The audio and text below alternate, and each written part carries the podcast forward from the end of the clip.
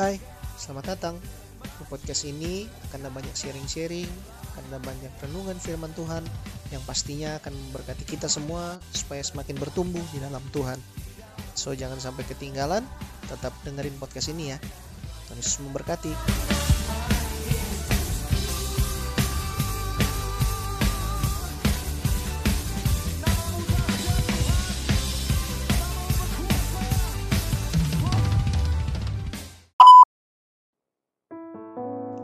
Haleluya, salam sejahtera dalam kasih Tuhan. Kembali lagi dalam kesempatan kali ini, kita akan sama-sama belajar dan merenungkan firman Tuhan, supaya kehidupan kita di dalam Tuhan semakin bertumbuh dan semakin berbuah dalam Tuhan. Puji Tuhan, firman Tuhan kesempatan kali ini datang dalam kitab Yakobus, pasal yang ketiga, ayatnya yang pertama.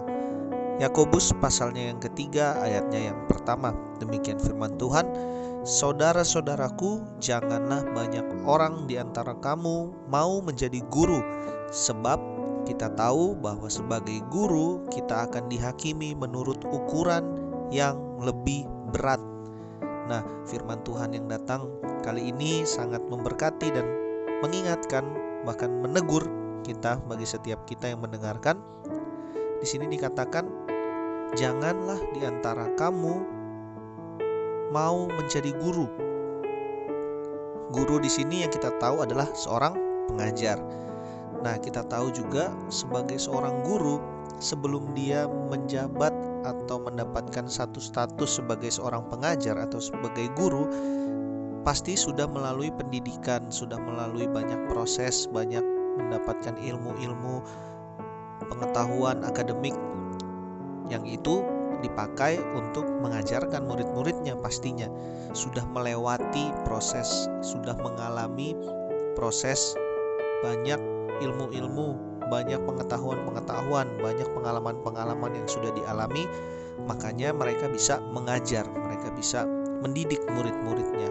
Nah, yang menjadi rema, yang menjadi pengingat bagi kita adalah mungkin dari setiap kita banyak yang mungkin menjadi tempat banyak orang untuk cerita, untuk sharing, ataupun menjadi pembina yang kadangkala juga memberikan motivasi, nasihat, masukan kepada sesama, mungkin kepada yang lebih muda, ataupun ketika sharing dengan yang lebih tua, kita bisa memberikan kata-kata motivasi ataupun yang menguatkan.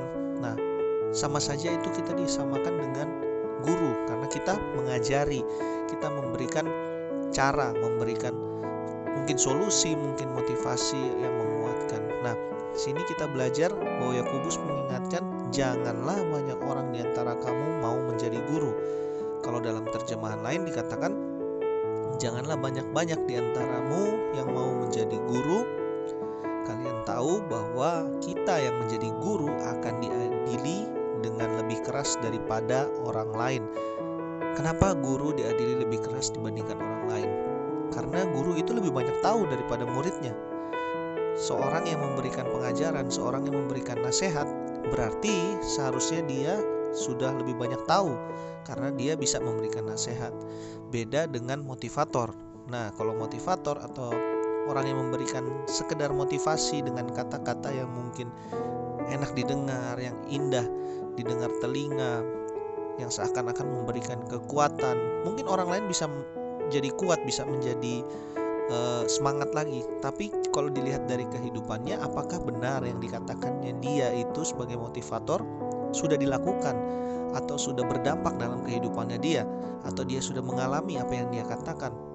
Kalau kita lihat kita tahu kebanyakan motivator ya hanya memberikan motivasi. Dalam segala bidang bisa dikasih motivasi dikasih semangat.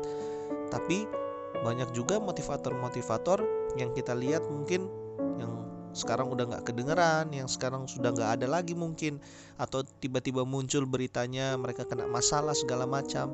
Nah itu membuktikan bahwa motivator atau hanya kata-kata motivasi itu belum tentu dan belum menjamin bahwa kehidupan dari seorang motivator itu baik atau sudah pernah mengalami apa yang dia katakan. Beda dengan guru. Kalau guru mereka sudah melewati pendidikan mereka sudah melewati pengalaman-pengalaman ketika mereka mengajar, ya mereka mengajar sesuai apa yang mereka dapat, apa yang mereka terima, dan buktinya ya mereka apa yang mereka berikan itu yang mereka pertanggungjawabkan. Misalkan guru matematika, mereka mengajarkan rumus-rumus segala macam, buktinya apa mereka bisa mengerjakan itu ya karena mereka sudah belajar, mereka sudah menempuh pendidikan, mereka sudah mengalami, mereka sudah ada pengalaman. Lain dengan motivator yang tadi. Nah, makanya ketika kita menjadi seorang guru atau kita menjadi seorang yang mungkin mengajari seorang lain sesama kita memberikan nasihat kita periksa dulu. Jangan senang dulu kalau kita bisa memberikan nasihat kepada orang lain kita bisa menguatkan orang lain. Ketika apa yang kita ucapkan itu diuji di kemudian hari itu baru kita bisa lihat apakah kita benar seorang guru ataukah hanya seorang motivator. Kalau kita benar seorang guru harusnya kita bisa menyelesaikan atau bisa mempertanggungjawabkan apa yang kita katakan, apa yang kita ajarkan. Nah, bagi setiap kita yang mungkin jadi pembina, menjadi seorang senior yang memberikan nasihat kepada junior-juniornya mungkin atau sesama kita yang memberikan nasihat motivasi, kita koreksi dulu apakah yang kita katakan, yang kita ingin katakan itu sudah hidup dulu dalam kita, sudah menjadi pengalaman kita, sudah menjadi satu pelajaran dalam kehidupan kita sehingga kita bisa memberikan nasihat, memberikan uh, motivasi. Itu kita harus periksa dulu. Makanya sebagai umat Tuhan, sebagai orang percaya, ketika kita diperhadapkan dengan masalah, justru kita harus bersyukur, kita harus bersuka cita karena lewat permasalahan itulah nanti yang akan menjadi kesaksian, akan menjadi uh, bahan untuk kita bisa memberikan semangat kepada yang sedang mengalami kesusahan ataupun yang mengalami sama yang seperti kita alami. Jadi kita bisa berbagi, kita bisa saling menguatkan. Bukan hanya sekedar kata-kata kamu harus begini, kamu harus begini. Malah dipikir kita, oh enak banget dia ngomongnya padahal ngalamin aja enggak, tapi kenapa bisa ngomong seperti itu? Nah, itu yang maksudnya dihakimi lebih berat. Maksudnya seperti itu. Jadi jangan sampai orang berkata kepada kita ngomong aja enak tapi ngalamin aja enggak, ngerasain aja enggak. Nah, makanya Alangkah baiknya ketika kita mau menasehati orang, ketika kita mau mengajarkan seseorang atau siapa pun yang mau kita ajari, yang mau kita berikan nasihat, motivasi itu, kita harus lihat dulu apa yang kita katakan ini sudah pernah kita lakukankah, sudah pernah kita lewatikah, atau sudah pernahkah kita melewati hal-hal tersebut yang akan kita katakan. Nah, sebaiknya katakan, ajarkan, sesuai dengan apa yang kita sudah terima supaya kita tidak dihakimi supaya kita tidak menjadi orang-orang yang kalau dikatakan firman Tuhan orang fasik orang fasik artinya mungkin dia mengerti dia tahu artinya firman Tuhan tapi tidak melakukannya nah jangan sampai kita sebagai orang-orang juga yang sudah tahu yang sudah mengalami mungkin tapi kita yang berkata tapi tidak bisa melakukannya nah, jangan sampai seperti itu makanya sama-sama kita belajar kesempatan kali ini firman Tuhan mengingatkan kita untuk tidak terlalu banyak menjadi guru. Maksudnya di sini kalau dalam terjemahan lain tidak terlalu bersemangat menjadi guru atau menjadi pengajar karena akan dihakimi lebih berat.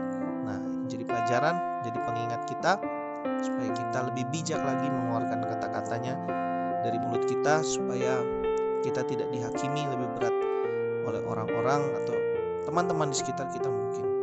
Nah, firman Tuhan menguatkan kita kembali lagi hari ini tetap semangat menjalani hari-hari ini walaupun dalam keterbatasan mungkin bersosialisasi tapi kita percaya firman Tuhan selalu menguatkan dan selalu mengingatkan bahkan selalu mengajar kita di mana pun kapan pun kita mendengarkan firman Tuhan kita selalu mendapatkan kekuatan baru. Puji Tuhan.